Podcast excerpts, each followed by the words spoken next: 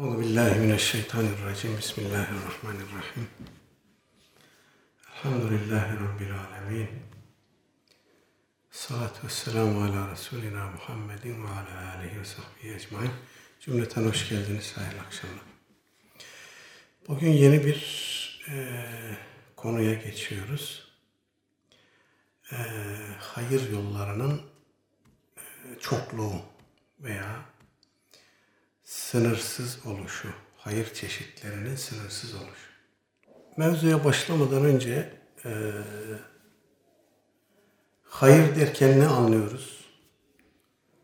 E, bir Müslümanın hayır algısı nasıl olmalıdır? Onunla ilgili bir e, girizgah yapmakta fayda görüyorum.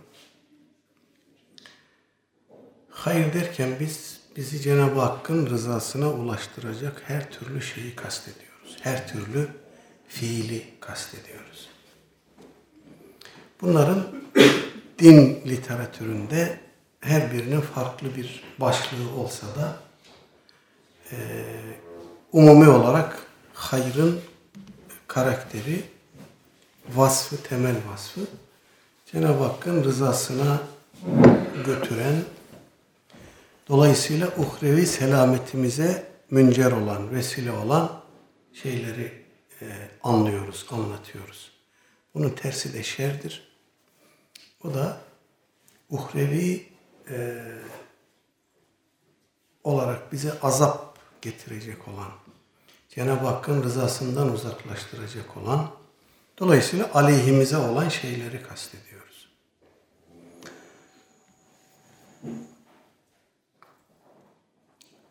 İslam mezhepler tarihinin, fırkalar tarihinin en rasyonel, akılcı e, fırkası olarak bilinen, öyle takdim edilen Mutezile'nin bu hayır ve şer e, meselesi hakkındaki kelam ilminde bunun tekabül ettiği başlık hüsün kubuhtur. Yani güzellik, çirkinlik e, kelam kitaplarında bu mesele bu başlık altında işleniyor. Mutezile'nin e, bu hüsün kubuh, hayır şer, günah sevap, güzel çirkin e, meselesindeki tutumu enteresandır. Bize Mutezile'yi rasyonel, e, akılcı akım olarak anlatanlar Mutezile'nin bu yönünü ya bilmiyorlar ya da bilerek es geçiyorlar.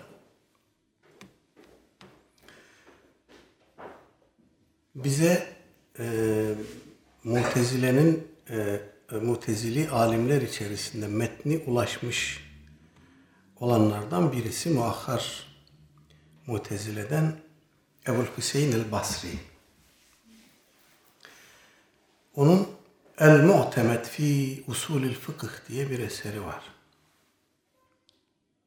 O eserinde şöyle bir başlık var. Babun fi ma yu'lemu bi edilletil akli ve ma yu'lemu bi edilleti'ş şer'i. Akli delillerle ve şer'i delillerle bilinen şeylerle ilgili bahis.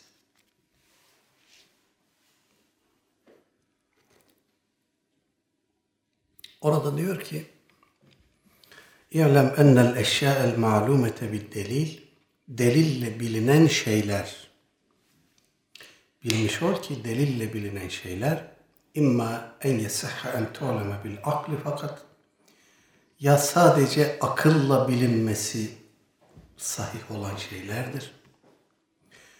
Ve imma bir şer'i fakat veya sadece şer'i delille bilinebilecek olan şeylerdir. Ve imma bir şer'i ve bil akıl. Ya da hem akli hem şer'i delille bilinecek olanlardır. Mutezile bile delille bilinecek olan şeyleri üç gruba ayırıyor. Bir grup sırf akılla bilinecek olanlar, bir grup sırf şer'i delille, semiyatla, ayetle, hadisle bilinecek olanlar, bir grupta hem şer'i hem akli delille bilinecek olanlar.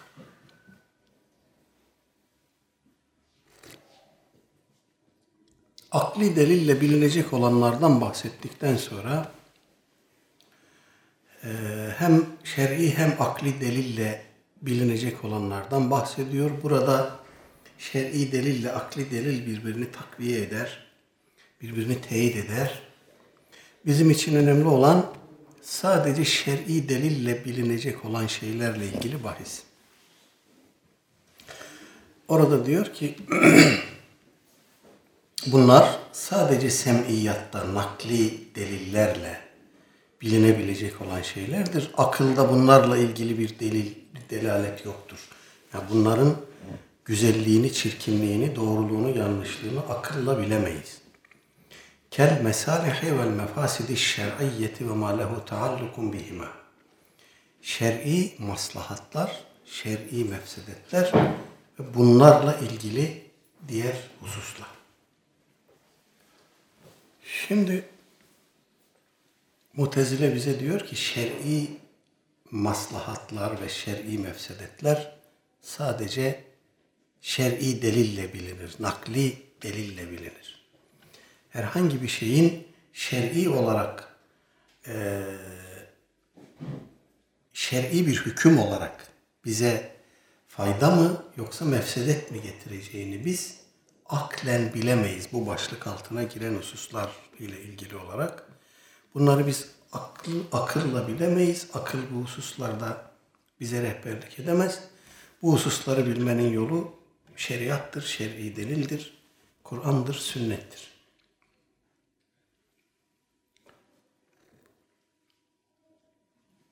Bununla ilgili de e, uzun uzun efendim örnekler veriyor, tartışmalara giriyor. Biz oraya girmeyelim. Demek ki mutezilede bile bir şeyin şer'an maslahat mı yoksa mefsedet mi olduğunu bilmenin sadece şer'i delilleri bilmeye bağlı olduğu bir alan var. O alanda akıl söz sahibi olamıyor, akıl bize rehberlik edemiyor. O alanda bizim e, şer'i delillere, Kur'an'a, sünnete ihtiyacımız var. Bu şu demektir, güncel e, aktüel meselelerle bağlantısını kuracak olursak, bu son yıllarda bilhassa e, makasıdı şeria, makasıdı şeria veya hikmetü teşri gibi başlıklar altında e, çalışmalar yapılıyor. Burada şöyle bir takdim e, var e, şeriatın gönderilmesinden bir maksat vardır. O maksat kulların maslahatlarını e, deruhte etmektir, gerçekleştirmektir. Efendim, e, Kur'an'ın nazil olduğu dönemde bu maksatlar belli araç hükümlerle gerçekleştirilmiştir. Burada bugün 21. asırda bizim o maksatlara ulaşmak için o araç hükümleri aynen tekrarlamamız gerekmez. Yani e, hırsızın elini kesin. Çarpıcı bir e, mesele, başlık. Bu arkadaşlar diyorlar ki e, asıl olan maksat hüküm hırsızlığın engellenmesidir. Hırsızlığın önlenmesidir. Kur'an'ın nazil olduğu dönemdeki sosyolojik yapı, sosyokültürel yapı bunun ancak el kesilmesi, hırsızın elinin kesilmesi e, halinde bu maksadı gerçekleştiriyordu. O toplum bunu kaldırıyordu. Ancak bu dilden anlıyordu.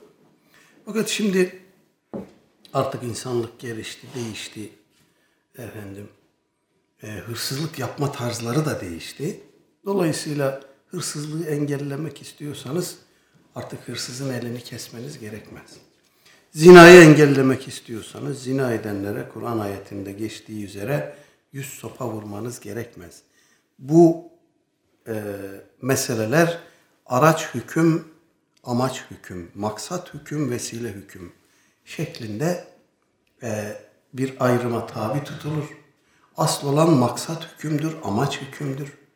Onu gerçekleştirmektir esas olan. Bugün için o maksadı gerçekleştirmek için o e, teşri kılınmış olan o vesile hükmü aynen tekrarlamamız gerekmez. Hatta bazen bu ciddi arızalara yol açar. Maksadı tespit edebiliyorsak bu maksada o gün o yolla gidiliyordu, bugün başka bir yolla gidilebilir. Asıl olan o maksadı gerçekleştirmektir şeklinde bir takdim e, dikkatimizi çekiyor. Daha önce belki başka vesilelerle de bahsetmiştik. ee, İmam Şatibi'nin Maliki mezhebinin usulcülerinden İmam Ebu İshak Eş-Şatibi'nin hmm, e, El Muvafakat fi Usul Şeria diye bir usul kitabı var. Bu usul kitabında bu söylediğim şeylerden bahsediyor İmam Şatibi. Bu eser üzerine çok fazla e, çalışmalar yapıldı. Üzerinde çok fazla duruldu. Sempozyumlar yapıldı. Doktora tezleri hazırlandı. E, sonra Tunuslu meşhur İbni Aşur, Tahir bin Aşur, onun Makasıdü Şeriatil İslamiye diye bir eseri vardı. Bu eser de aynı şekilde tercüme edildi üzerine tezler yazıldı vesaire. Ee, yapılmak istenen şey işte bir kısım ahkam ayetlerinden, bir kısım ahkam hadislerinden modern telakki ile örtüşmeyen efendim bir kısım hükümlerden kurtulmanın tırnak içinde şer'i bir formülü. Bunu arıyoruz. İşte bu çalışmalarda bize e, bu, bu imkanı veriyor gibi bir bakış açısıyla yapılan çalışmalardı bunlar. Halen bu devam ediyor. Ee,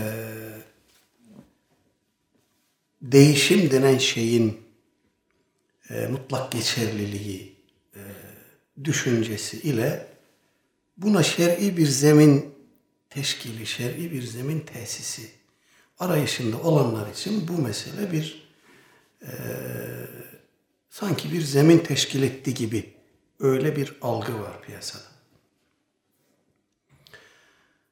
Oysa bakın Mutezile bize diyor ki şer'i maslahatları ve şer'i mefsedetleri bilmenin tek yolu şer'i delillerdir. Akıl bunu bilemez.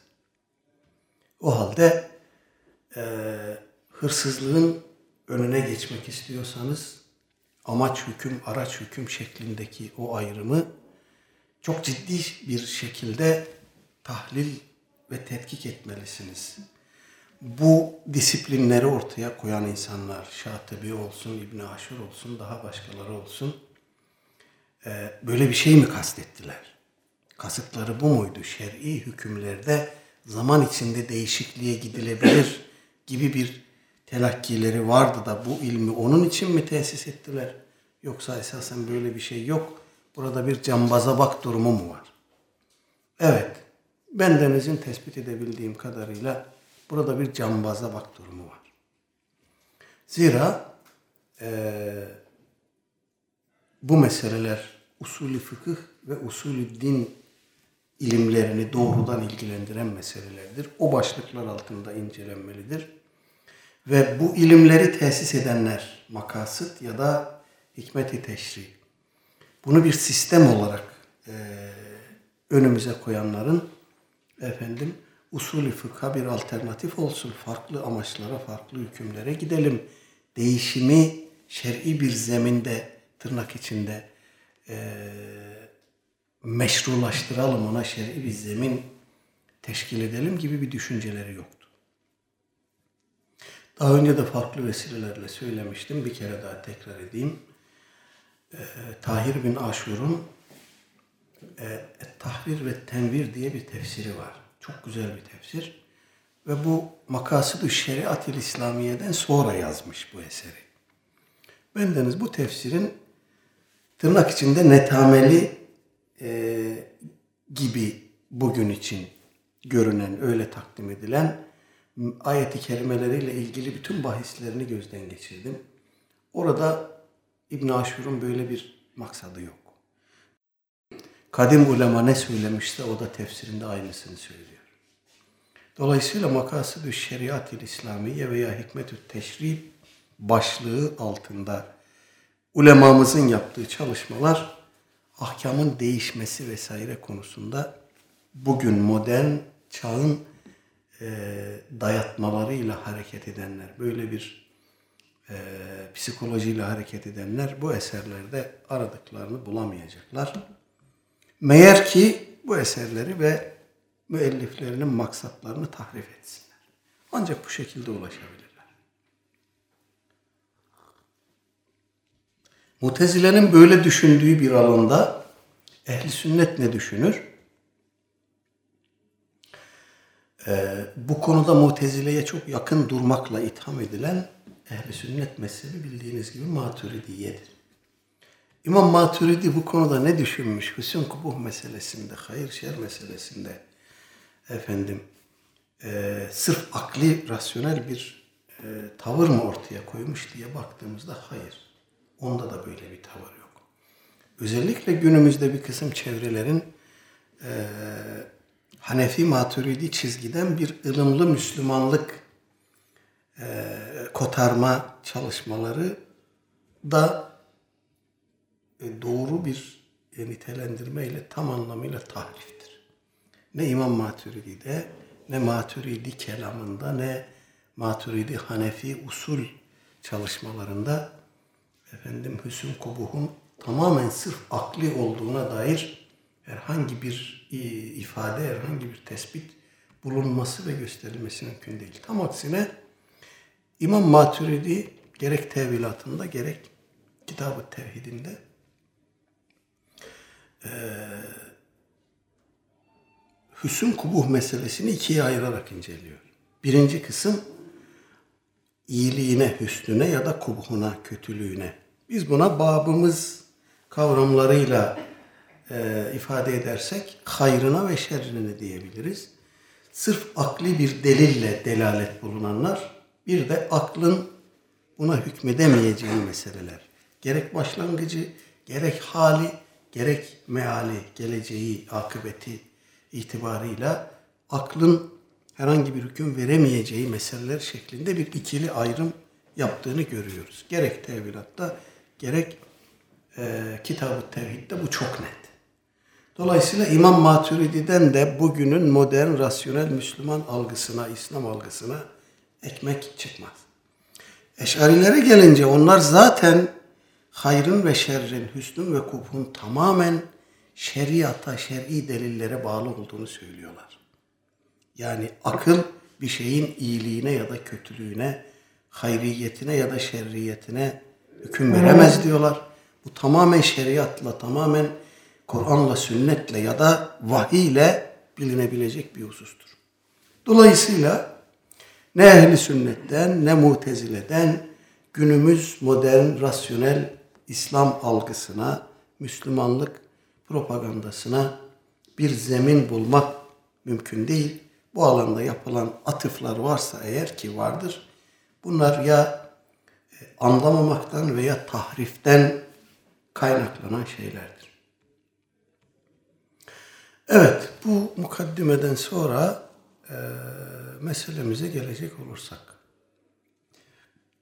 İmam Nevevi merhum gene adet ve çile e, konuyla ilgili bir kısım ayet-i kerimeler zikretti. Örnek kabilinden biz de burada onlarla başlayalım. Birinci ayeti kerime Bakara suresinin 215. ayeti. Bismillahirrahmanirrahim. Ve ma tef'alu min hayrin fe innallaha bihi alim. İşlediğiniz her ne hayır varsa hiç şüphesiz Allah Teala onu hakkıyla bilir, bilendir. İkinci ayeti kerime gene Bakara suresinin 197. ayeti. Ve ma tef'alu min hayrin ya'lemhullah. İşlediğiniz herhangi bir hayrı veya her hayrı Allah Teala bilir. Şimdi bu iki ayet-i kerime nin burada bir takdim tehirle zikredildiğini görüyoruz. İkinci sırada zikredilen ayet-i kerime aslında sıralamada birincinin üstünde yer alıyor. 197 numaralı ayet. İkinci 215 numaralı ayet. Acaba İmam Nevevi merhum niye önce sonrakini, sonra öncekini zikretti? Allah alem bu önce zikredilen 215 numaralı ayet-i kerimenin vurgusundan, yapısından kaynaklanıyor.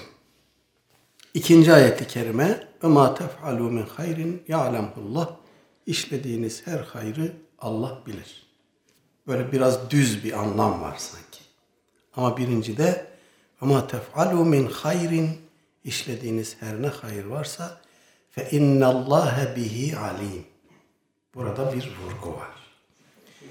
İşlediğiniz her ne hayır varsa hiç şüphesiz Allah onu hakkıyla bilir. Allah alem bu vurgu dolayısıyla İmam Nevevi merhum bu ayet-i kerimeyi önce zikretti, sonra öbürünü zikretti. Üçüncü ayet-i kerimemiz Zilzal suresinin yedinci ayeti. Femen ya'mel miskale zerretin hayren yara. Her kim zerre ağırlığınca hayır işlerse, hayırlı amel işlerse onu görecektir. Onu görür ahirette onu görür. Yani amelinin ve ameline karşılık olarak verilecek mükafatı ve sevabı görür. Onun karşılığı olan e, mükafat ona verilir gibi çok boyutlu bir şey var burada. Yani sadece işlediği amel kendisine gösterilmeyecek. Evet o da gösterilecek zira amel defterleri var işlediğimiz hayırlı ameller e, ve şerli ameller kiramen katibine ya'lemune ma tef'alun kiramen katibin tarafından yazılıyor. O amel defterleri hesapta mahkemede kulun önüne konacak ve ikra kitap eklenecek. Al bu senin amel defterin bunu oku. Dolayısıyla yaptığı ameli orada kaydedilmiş olarak görecek. Sonra o hayırlı amelin mükafatını, sevabını da görecek. Efendim ve bunun e, karşılığında cennette onun e, fiili karşılığını da saadet olarak yaşayacak. Burada tabi zerre miskal, Türkçemizde de böyle bir ifade var. Zerre miskal, zerre ağırlığı, zerre miktarı demek. Ee, bir hayır bile işlense Allah Teala onu önümüze koyacak ve onu karşılıksız bırakmayacak.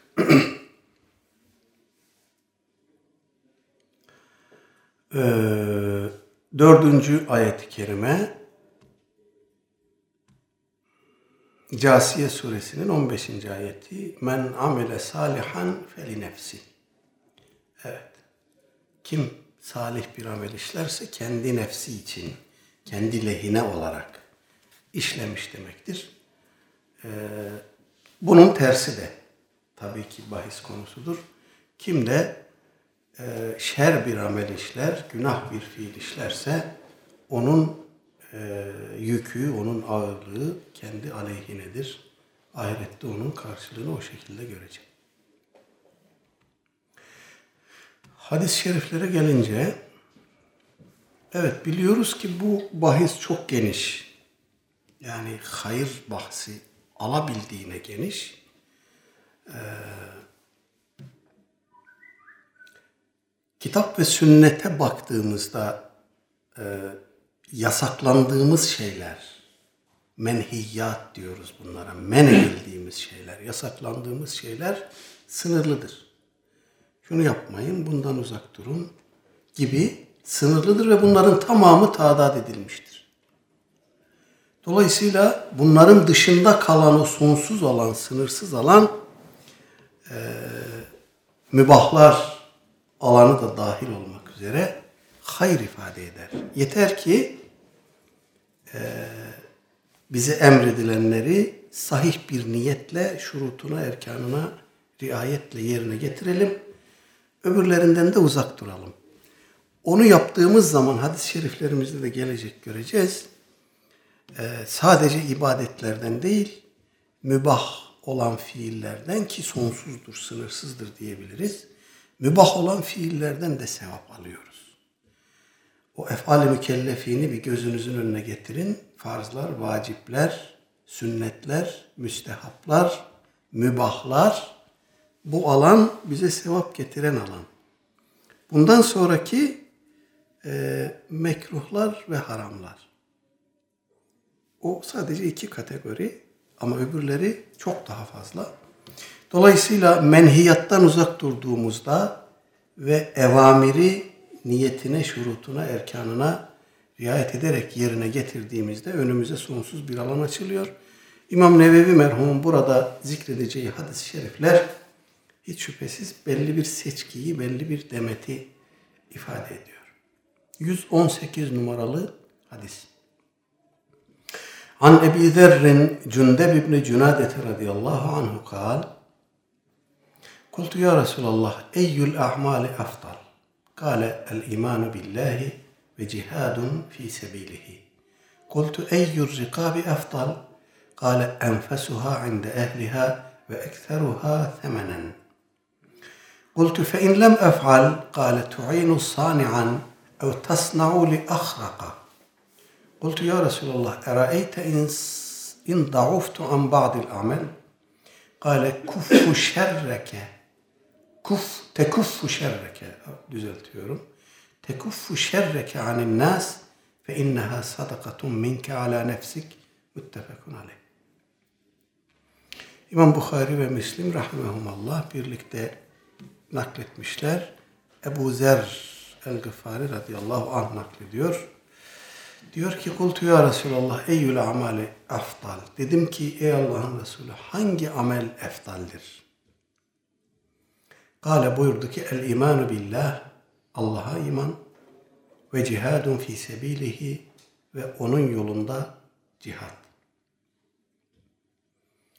Kultu eyyü rikabi eftal. Dedim ki hangi e, rikab bu köle azadı anlamında hangisi daha eftaldir? Hangi kölenin e, özgürlüğüne kavuşturulması eftaldir? Kale buyurdu ki enfesuha inde ehliha sahipleri nezdinde en kıymetli, en gözde hangisi ise onu özgürlüğüne kavuşturmak eftaldir ve ekteruha semenen temenen e, ve pahalı olan en çok e, kar getiren sahibi için veya çok para ödeyip satın aldığı köledir buyurdu.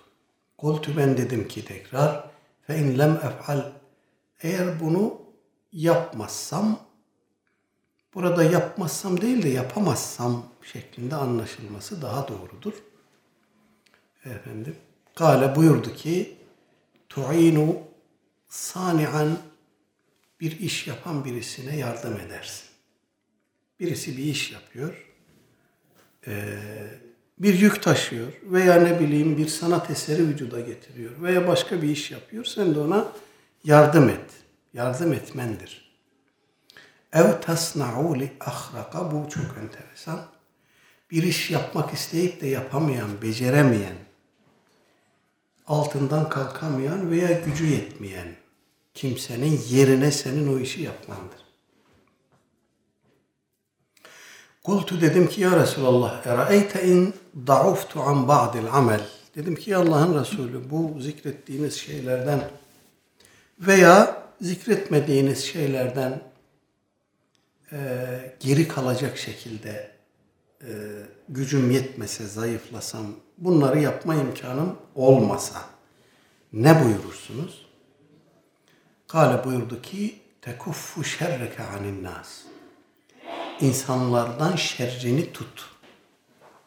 Yani insanlara kötülüğün dokunabileceği durumlarda, onlara zarar verebileceğin durumlarda, buna güç yetirebileceğin ahvalde insanlara zarar vermekten geri dur. Fe inneha sadakatun minke ala nefsik. Zira bu senin kendi nefsin için verdiğin bir sadaka olur. Sadakadır. Evet gerçekten ee, çok kuşatıcı, çok kapsayıcı, çok çarpıcı bir hadis-i şerif. Ebu Zer Gıfari radıyallahu anh'ın sorusundan başlayalım. Eyyül a'mali afdal. Bunun bu sorusu belli ki genel olarak bütün ameller içerisinde en eftal olanları soruyor. Aleyhisselatü Vesselam Efendimiz buna ilginç bir cevap veriyor gerçekten. El imanu billah ve cihadun fi sebilihi. Allah'a iman. Burada azıcık durmamız lazım. Ee, Aleyhisselatü Vesselam Efendimiz burada bizim İslam'ın şartları olarak bildiğimiz şeyleri zikretmedi. Üstelik soru amel hakkında yani en eftal amel hakkında. Aleyhisselatü Vesselam Efendimiz buna el imanu billah diye cevap verdi. İman bir amel midir? Evet, iman bir ameldir. İman kalbin amelidir. Kalbimizin de amelleri var. Biliyorsunuz iman, inkar, efendim tasdik, tekzip, kalbi fiiller var. İşte kalp hastalıkları var, kalbi marazlar var, haset var, kibir var, ucup var, efendim çekememezlik var. Bunlar da kalbin fiilleri. Kalp fiil işler mi? işler. Kalbin fiillerinden dolayı mükafat veya azap var mı? Evet var. İşte bu kalbin fiillerinin başında iman geliyor. İman sadece kalpte olup biten bir şey değil. Hiç şüphesiz bunun tevabii var. Bunun devamı var, zarureti var, uzantıları var, neticeleri var. Ve o amel sahasını teşkil ediyor.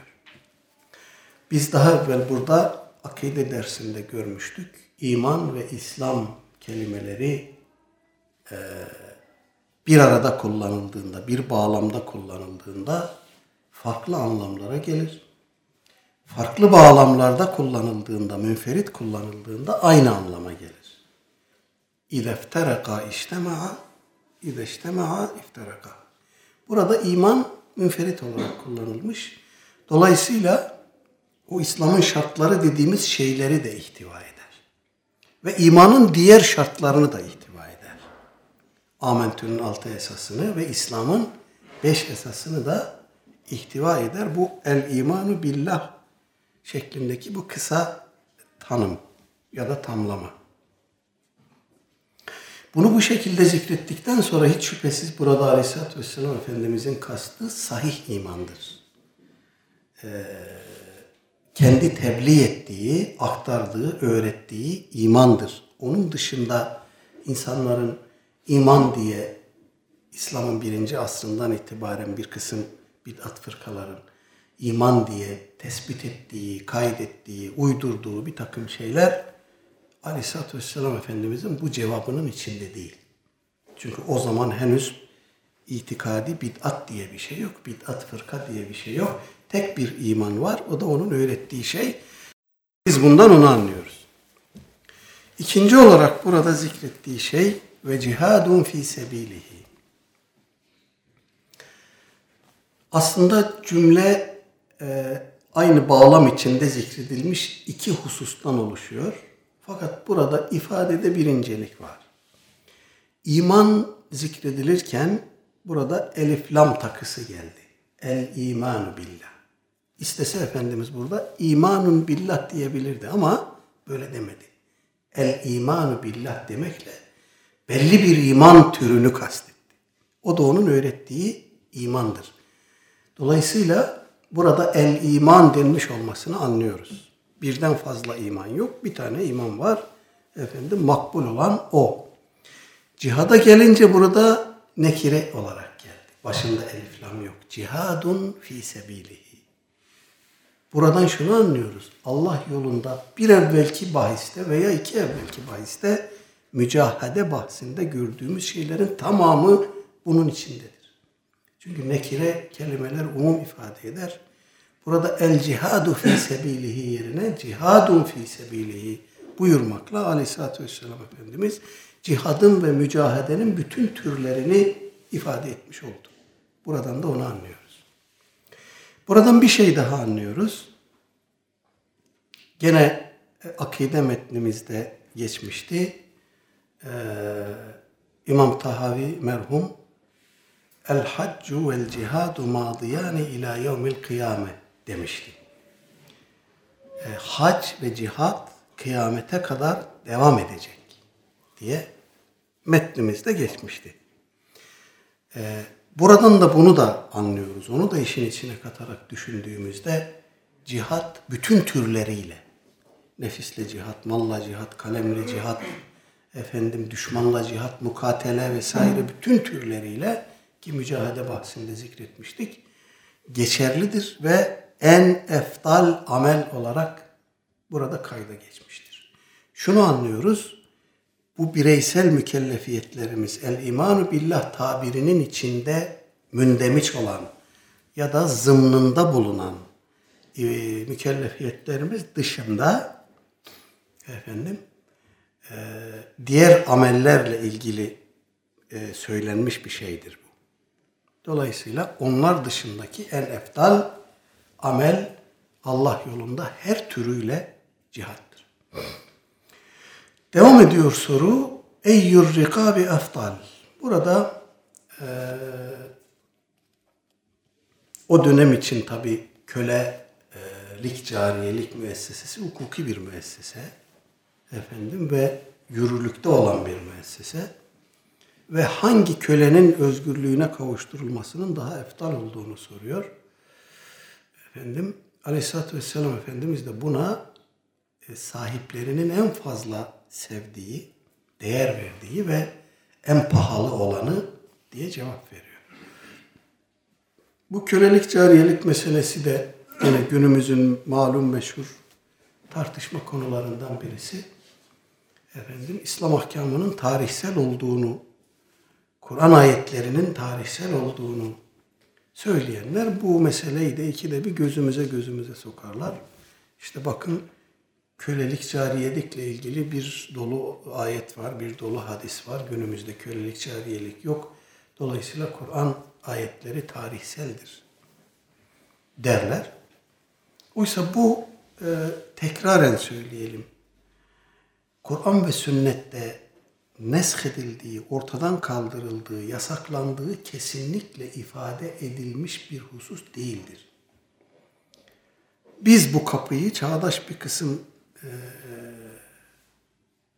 dayatmalarla, baskılarla, modern dünyanın efendim tazyikiyle biz sanki bu kölelik cariyelik kapısını kendimiz kapatma zorunluluğu hissediyoruz. Oysa faizin, kumarın, içkinin, yasaklandığı gibi kölelik ve cariyeliğin yasaklandığını ifade eden bir nas yok.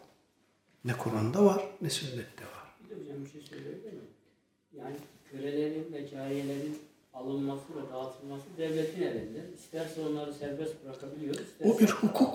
Evet. Yani o, O bir hukuk. dolayısıyla bu hükmü kapatmıyor ama icabında bir, bir süreliğine kölelik ve cariyeliği kaldırabilir devlet. Yani Şöyle, değil yani. şöyle diyelim. Ee, bu mütekabiliyete bağlanmış bir meseledir. Evet. Yani savaş yapıyorsunuz, savaşıyorsunuz. İnsanlık tarihi boyunca savaşlar hiç ortadan kalkmamış. Sürekli varlığını gördüğümüz, yaşadığımız bir vaka. Dolayısıyla savaştığınız devlet eğer esirleri köleleştiriyorsa siz de köleleştirebilirsiniz. Mütekabiliyete bağlı bir şey bu. Esirleri ne yapacaksınız? Savaş var ve esir var. Bunlar vaka. Ne yapacaksınız? Birkaç şey yapabilirsiniz. Bir, aldığınız esirleri serbest bırakırsınız. Bu bir yoldur. İki, fidye alır serbest bırakırsınız. Karşılıksız değil de fidye alarak serbest bırakırsınız. Bu da bir yoldur. Bu da bir hukuki meşru yoldur. Efendim, öldürürsünüz. Bu da bir yoldur. Ee, ya da köleleştirirsiniz. Karşı taraf köleleştiriyorsa. Karşı taraf sizin esirlerinizi köleleştiriyorsa size de otomatikman köleleştirme hakkı doğar. Bu bir vecibe değildir. Bu bir farz değildir. Bu ibaha alanıyla ilgili bir şeydir. Dilerseniz köleleştirebilirsiniz. Yasaklanmamıştır. Efendim farz da kılınmamıştır. Ee, nitekim Hazreti Ömer radıyallahu anh e, Irak'ı fethettiğinde o geniş a, tarım arazileri Araplarda bir e, hurmalık dışında bir tarım kültürü tecrübesi yok. O geniş arazileri fethettiğinde o zamana kadar gözleri demek ki hiç böyle uçsuz bucaksız yeşil alan görmemiş ki o Irak arazisine sevat demişler. Sevat, sevda, kara, siyah demek. Gözleri böyle uçsuz bucaksız bir yeşil alan görmemiş ki o yeşilliği gördükleri zaman ucu bucağı yok. Ona sevat arazisi demişler. Siyah arazi. Onların gördüğü sarı arazi, kum, çöl. Ee, Irak'ı fethettiğinde Hazreti Ömer oradaki geniş arazi e, hakkında nasıl bir uygulama yapılacak diye e, gaziler tarafından gündeme getirilmiş bir mesele var. Başta Hazreti Bilal olmak üzere radıyallahu anh. Bu da gerçekten günümüzün çok tartışılan meselelerinden birisidir. Ee, Hazreti Bilal ve birkaç kişi geliyorlar Hazreti Ömer'e radıyallahu anhum ecmain. Diyorlar ki aleyhissalatü vesselam Efendimiz ile biz Hayber e, arazisini fethettiğimizde Efendimiz bu araziyi gaziler arasında taksim etti. Bizim aramızda Hayber arazisini taksim etti. Şimdi sen de onun sünnetine uy ve bu araziyi gaziler arasında taksim et. Hazreti Ömer bu teklifi kabul etmiyor. Ee, ve birkaç gün müsaade istiyor onlardan. Bu konuda bir karar vereceğim diyor. Bana biraz müsaade edin. Yanlış hatırlamıyorsam üç gün mü? Böyle bir şey. Ee, istişareler yapıyor sürekli. Ensarın, muhacirinin ileri gelenleriyle, ashabın efendim yaşlı başlılarıyla istişareler yapıyor. Ve en son şu kararı veriyor. Araziyi gaziler arasında taksim etmeyeceğiz. Arazinin aslı Beytül Malindir. Bütün ümmetin mülküdür. E, fakat biz bu tarım tarzını bilmiyoruz. Bu araziyi eski sahiplerinin elinde bırakalım. İşlesinler, bize vergi versinler. Arazinin aslı bizim. Onlar burada işlesinler, kendileri de bundan geçinsin. Bize de bir vergi versinler şeklinde bir uygulama e, yapmayı uygun görüyor ve böyle yapıyor. Bu çok tartışılır. Hazreti Ömer'in bir kısım icraatları Kur'an'a, sünnete aykırı gibi görünen bir kısım icraatları bu mevzunun başında e, sözünü ettiğimiz bu tarihselci modernist İslam yorumları e, sahipleri tarafından çok sık gündeme getirilen bir şeydir bu.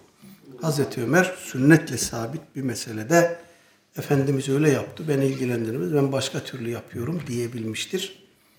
İşte bu da o e, örneklerden birisidir diye çok sık gündeme getirilir. Oysa Aleyhisselatü Vesselam Efendimiz Hayber arazisini gaziler arasında taksim ederken bu bağlayıcı bir e, sünnettir, bu bir vecibedir, bu bir emirdir. Benden sonra herkes böyle yapsın dememiş. Mekke'nin fethinde olduğu gibi gerçi orada bir şey de var fukaha arasında. Yani kılıç zoruyla fethedilen yerlerde taksimat yapılır. Ee, sulh yoluyla fethedilen yerlerde taksimat yapılmaz gibi bir tartışma da var. Mekke e, anveten kılıç zoruyla mı fethedildi, sulhle mi fethedildi? Burada da ihtilaflar var. Oraya girmeyelim. Dolayısıyla bağlayıcı bir hüküm yok. Yani Hayber'i ben böyle yaptım siz de bundan sonra nereye fethederseniz böyle yapın diye bağlayıcı bir emir, bir vücut yok. İkinci bir husus Aleyhisselatü Vesselam Efendimiz Hayber arazisinin tamamını fethetmemiş. Bir kısmı e, tamamını taksim etmemiş. Bir kısmını taksim etmiş. Bir kısmını Beytülmal'e tahsis etmiş. Hazreti Ömer de burada Sevat arazisinde aynı şeyi yapmış. Kendisine efendim Irak'ın fethinde yardım eden Becile kabilesine oradan bir kısım tahsisatlar yapmış. İkta arazi tahsisatları yapmış. Dolayısıyla e, Hazreti Ömer'in burada yaptığı uygulama Irak e, arazisinin fethinde kendisine karşı savaşanların köleleştirilmesi şeklinde olmamış. Köleleştirmemiş, onları özgür bırakmış, arazilerinin başına tayin etmiş. Ama siz demiş buradan bize vergi vereceksiniz. Dolayısıyla bu uygulamanın Hazreti Ömer döneminde de örneklerini görüyoruz. Meselenin istismar edilmesi başka bir şeydir. İnsan istismarı aklına koyunca ne olursa olsun yapar. Ama hükmün böyle olduğunu da bilmemizde fayda var. Ee, Ebu Zer radıyallahu anh devam ediyor. Kultu fe in lem ef'al bunu yapmazsam, bunu yapamazsam ne buyurursunuz, ne tavsiye edersiniz? Kale buyurdu ki tu'inu sani'an bir iş yapana yardım edersin. Efendim ev tasna'u li ahraka beceremeyen, altından kalkamayan efendim kişi yerine onun yapmaya çalıştığı işi yaparsın. Evet, bu e, artık Batı toplumlarında falan çok görmeyi e, ummadığımız bir şey. Şükür ki bizim toplumumuzda bu hasletler yaşıyor. Efendim, e, darda kalana yardım etmek veya birisinin bir iş yaparken ihtiyaç duyduğu bir anda hemen e, yardımına koşu vermek veya birisinin yapamadığı bir işi onun yerine yapıvermek efendim e, bize menfaati bize dokunan bir şeydir. Tabii ki bunun toplumsal karşılıkları vardır. Toplumda dayanışmayı, güveni vesaireyi yerleştirir ve yayar.